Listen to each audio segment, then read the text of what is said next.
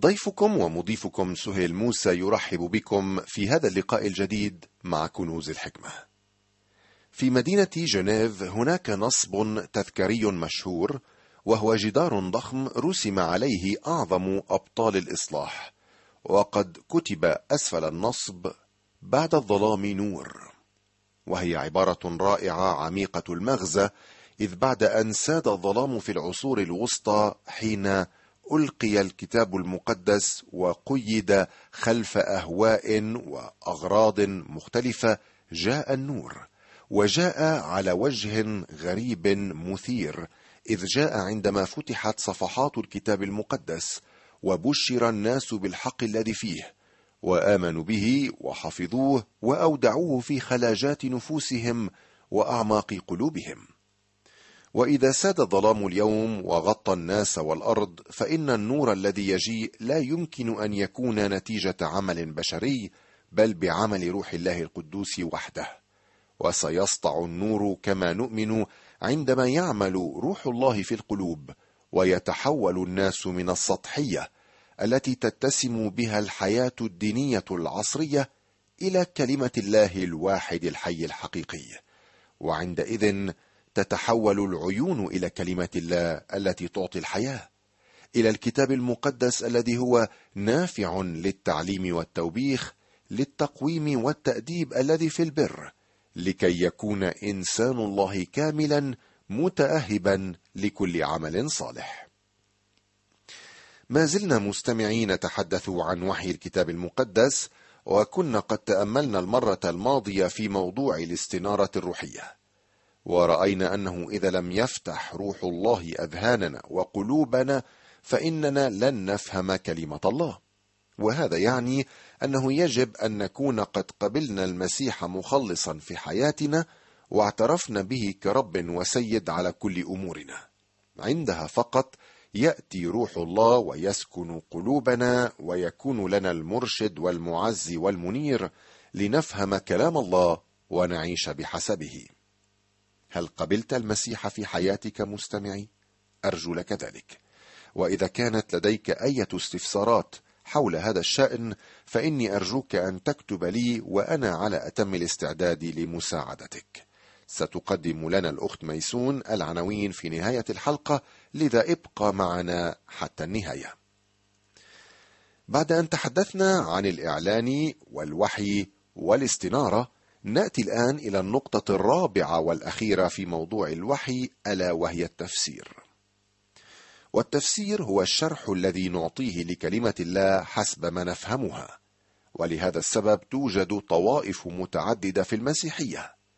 لقد أوجد الله كلمته بين أيدي البشر حتى يفهموها ويتعلموا منها. لم يقصد ابدا أن تكون غامضة ومبهمة. كما ولم يقصد أن يكون التفسير منحصرا في جماعة معينة من ذوي الإمكانات الفذة. كلا كل مؤمن بالمسيح يسكن فيه روح الله يستطيع أن يفهم الكلمة. ولكن أوجد الله بعض المعلمين الموهوبين الذين يشرحون الكتاب بطريقة منظمة ورائعة متبعين القواعد العامة المتفق عليها في التفسير. اذا مستمعي تفهم من كلامي هذا أنه توجد فعلا قواعد عامة يجب اتباعها في محاولتنا لتفسير الكتاب المقدس. وعدم التقيد بهذه القواعد يفقد النص الأصلي معناه الحقيقي. اولا يجب الانتباه إلى القصد العام للكتاب المقدس. لهذا السبب أنا أقوم بتناول كل الكتاب المقدس في هذه الحلقات مستمعي حتى يتسنى لك أن تتطلع عليه كاملا قبل أن تأتي إلى استنتاجات عقائدية معينة حول آية من الكتاب المقدس. من المهم أن تأخذ بعين الاعتبار كل الآيات المتعلقة بموضوع معين قبل أن تصدر حكمك فيه. وهنا أحب أن أنوه أن الكتاب المقدس يفسر نفسه بنفسه. فإذا واجهتك صعوبات في فهم أي شيء في الكتاب استمر في القراءة واستخرج الآيات المختلفة في الكتاب المتعلقة بالموضوع وسرعان ما ستجد الأمور تتوضح أمامك. طبعا هذا يتطلب منك الصبر والمثابرة يا أخي بأن تدرس الكتاب بعناية فائقة حتى تكون ملما بكل محتوياته وبالتالي سيكون لك حكم أفضل على معاني الآيات المختلفة. قال أحدهم لا تدع شيئا يسلب منك حقا كتابيا سبق لك أن فهمته بوضوح من كلمة الله وانتظر بصبر أن تفهم باقي الآيات التي لا تقدر أن تفهمها. ثانيا انتبه إلى الجهة المعنية الموجه إليها السفر ليس كل الكتاب موجها لي شخصيا ولكن كل الكتاب نافع لي في كل أمور حياتي. كثير من آيات العهد القديم وبعض الأقوال في الأناجيل ليست عنا مع أن كل الكتاب نافع للتعليم. كله كتب لأجل تعليمنا. في العادة كان الله يتكلم إلى أشخاص معينين ليقوموا بعمل معين في ذلك الوقت. فمثلا عندما طلب من يشوع أن يعبر نهر الأردن لم يقصد أن أعبره أنا اليوم أيضا. والممارسات الخاصة بالذبائح في سفر اللاويين لا تخصنا حرفيا بل هي رمز لعمل المسيح ومنها نستفيد في علاقتنا مع الرب. نعم هناك أمور لا تعنيني شخصيا ولكن لابد من وجود درس هام في حياتي أو لحياتي من خلال ما عمله يشوع ومن خلال الذبائح وما إلى ذلك. الكتاب المقدس ليس كله عني ولو أنه كله لي ونافع لحياتي. هذه قاعدة هامة يجب تذكرها دائما. القاعدة الثالثة في تفسير الكتاب هي الأخذ بعين الاعتبار محتوى النص المكتوب أو ما يسمى بالقرينة أي ما قبل الآية وبعدها. من الخطر بمكان أن تعري الآية من محتواها في النص فهي بذلك تفهم بطريقة مغلوطة تقود نحو الخطأ في التعليم وبالتالي في السلوك. من أين أتت جميع التعاليم المضلة في الماضي وفي أيامنا هذه؟ أليست من النصوص المبتورة والنظر إلى الكتاب بعين واحدة؟ قال بطرس الرسول إن كل نبوة الكتاب ليست من تفسير خاص. لا يحق لي أن أفسر الآيات مهما كانت كما يحلو لي. هناك قواعد يجب أن أحترمها وأسئلة يجب أن أسألها. عما تتحدث الفقرة؟ ماذا كان يقصد الكاتب؟ ما هي الآيات الأخرى التي تتحدث عن نفس الموضوع؟ ما هو الجو العام للأصحاح؟ إلى آخره. رابعا حتى تفسر الكتاب المقدس بشكل سليم ارجع إلى النص في اللغة الأصلية لتكتشف المعنى الدقيق. أنت تعلم مستمعي الكريم أن العهد القديم كتب باللغة العبرية مع بعض الأجزاء باللغة الأرامية التي كانت شائعة في الشرق الأوسط حتى مجيء الإسكندر المكدوني. كما أن العهد الجديد كتب باللغة اليونانية اللغة الدولية في زمن المسيح. وهناك فائدة عظمى في قراءة الكتاب باللغة التي كتب فيها. فهناك كلمات لا يوجد لها مثيل تام في اللغة العربية وكلمات أخرى لها أكثر من معنى أو استخدام. على سبيل المثال كلمة عبادة في العبرية لها عدة معان واستخدمت في مواضع مختلفة لتعطي جوانب عديدة للعبادة. بينما في العربية لا تجد سوى كلمة عبادة. وفي العهد الجديد هناك عدة كلمات تحمل معنى الخطية ولدى دراستها كلها تستطيع أن تكون فكرة واضحة عن معنى الخطية كما وردت في العهد الجديد. وأمثلة أخرى عديدة لا حصر لها. ليس هدر للوقت يا صديقي أن نتعلم هذه اللغات لما فيها من فائدة جمة. يمكنك أيضا الرجوع إلى لغات أخرى لتفهم النص كالإنجليزية والفرنسية وغيرها حسب ما تجيد من لغات. أما بالنسبة لمن لا يعرف إلا اللغة العربية فيمكنه الاستعانة بالكتاب المقدس الذي يحتوي على شواهد هامشية أو يمكنك الرجوع إلى الترجمة التفسيرية. وهنا صديقي المستمع أحب أن ألفت انتباهك إلى قصة ترجمة الكتاب المقدس إلى اللغة العربية. إن الله لا يجبر احدا أن يتقن اللغات الأصلية حتى يعرف كلمته. ولا بد وأنك تذكر كيف حل روح الله على التلاميذ يوم الخمسين وصاروا يكرزون بالإنجيل في مختلف اللغات السائدة آنذاك. لم يلتزم الروح باللغة العبرية لغة التلاميذ. ومن هنا بدأت فكرة ترجمة الكتاب إلى لغات العالم ليفهم الناس الكلمة ويعرفوا طريق الخلاص. والكتاب المقدس هو أول كتاب ترجم.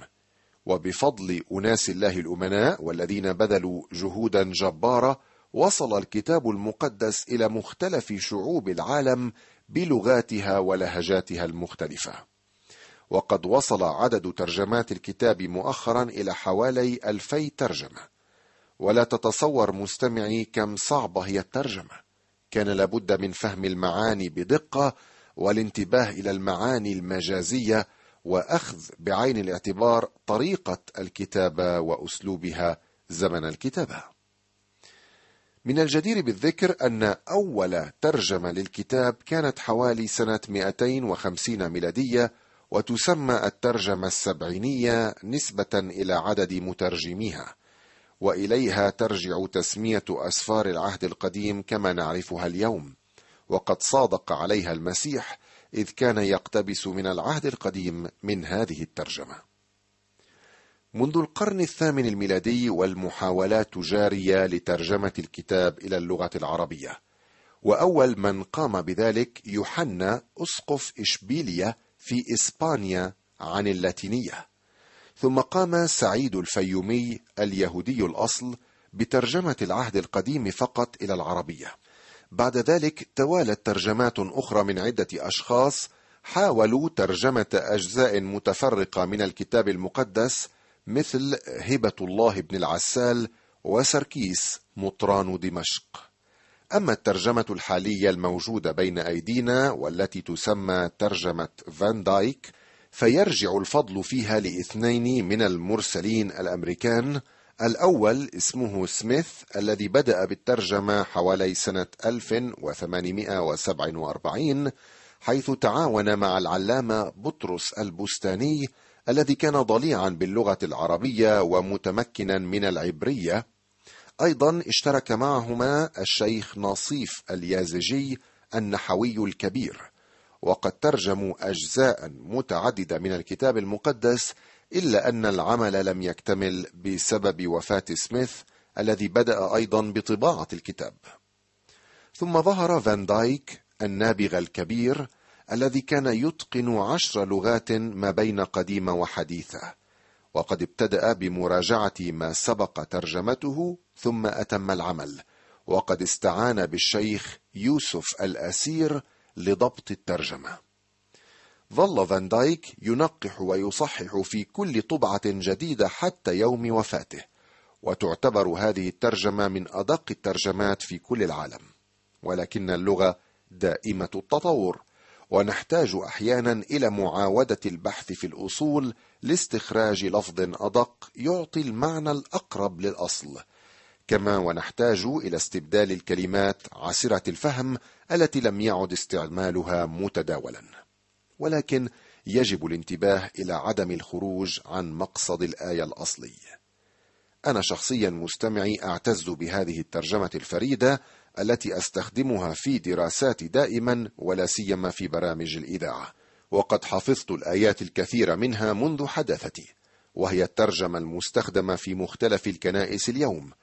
وللأسف يحاول بعض الناس اليوم ترجمة الكتاب المقدس حسب معتقداته الشخصية فيفقد المعنى الحقيقي للآيات أو يكثر من استخدام المصطلحات العصرية التي تبتعد عن المعنى الدقيق للآية.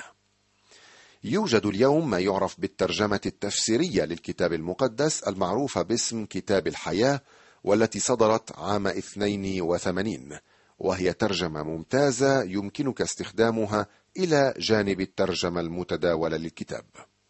هناك أيضا الترجمتان اليسوعية والحديثة.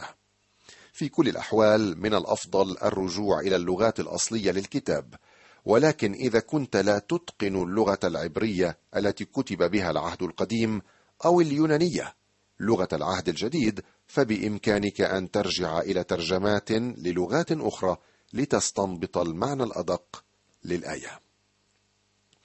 القاعدة الخامسة والأخيرة في تفسير الكتاب هي التفسير حرفيا. عندما يكون معنى الآية واضحا وضوح الشمس أمامك فلا تحاول البحث عن معنى آخر. خذ كل كلمة كما هي في معناها الأصلي والحرفي إلا إذا أملى عليك محتوى النص غير ذلك. وكما قالوا إن الإشارة الأولى لأية كلمة في الكتاب المقدس يكون لها مدلولات قوية تساعد بعد ذلك على تحديد المعنى المقصود من هذه الكلمة في كل الكتاب. وتذكر أن هناك معنى مجازيا لبعض الكلمات يجب أخذه بعين الاعتبار. فمثلا عندما يقول الكتاب إن يسوع هو الطريق فهذا لا يعني طريقا معبدا بالمعنى الحرفي بل يعني أنه الوسيلة التي نصل بها إلى السماء وأمثلة أخرى كثيرة لا حصر لها أرجو صديقي أن تكون قد أفدت من هذه الملاحظات حول طريقة تفسير الكتاب المقدس وإذا أردت أن تحصل عليها مطبوعة فاكتب إلينا على أحد العناوين التي ستذاع بعد قليل. قبل أن أتركك على أمل اللقاء أحب أن أمر عليك بلمحة سريعة عن تقسيمات الكتاب المقدس حتى نبدأ في الحلقة المقبلة بنعمة الله نتأمل بالطريقة المثلى للتعامل مع الكتاب المقدس.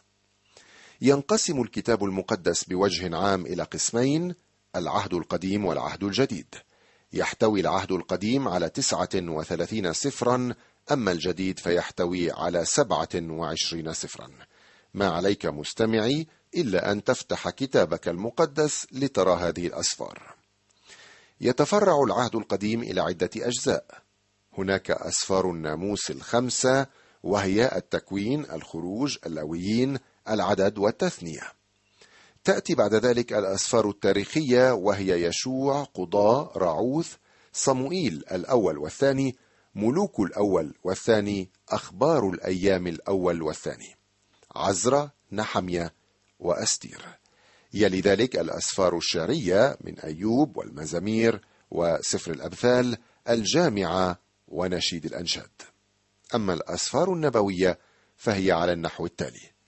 الأنبياء الكبار وهم إشعياء إرميا ومراثي إرميا حزقيال ودانيال. الأنبياء الصغار وهم هوشع يؤيل عاموس عبدية يونان ميخا نحوم حبقوق صفنيا حجي زكريا وملأخي. أما العهد الجديد فهو يتجزأ إلى الأقسام التالية. الأناجيل وهي متى مرقس لوقا ويوحنا. سفر الأعمال هو السفر التاريخي الوحيد. يليه رسائل بولس روميا كورنثوس الأولى والثانية غلطية أفسس فيليبي كولوسي تسالونيكي الأولى والثانية تيموثاوس الأولى والثانية تيتوس فيليمون والعبرانيين. أما الرسائل العامة أو الجامعة فهي يعقوب بطرس الأولى والثانية يوحنا الأولى والثانية والثالثة ثم يهوذا. وينتهي العهد الجديد بالسفر النبوي الوحيد وهو رؤيا يوحنا. بهذا أيها العزيز أختم لقائي معك اليوم وسأكون بانتظارك في الحلقة القادمة بإذن القدير.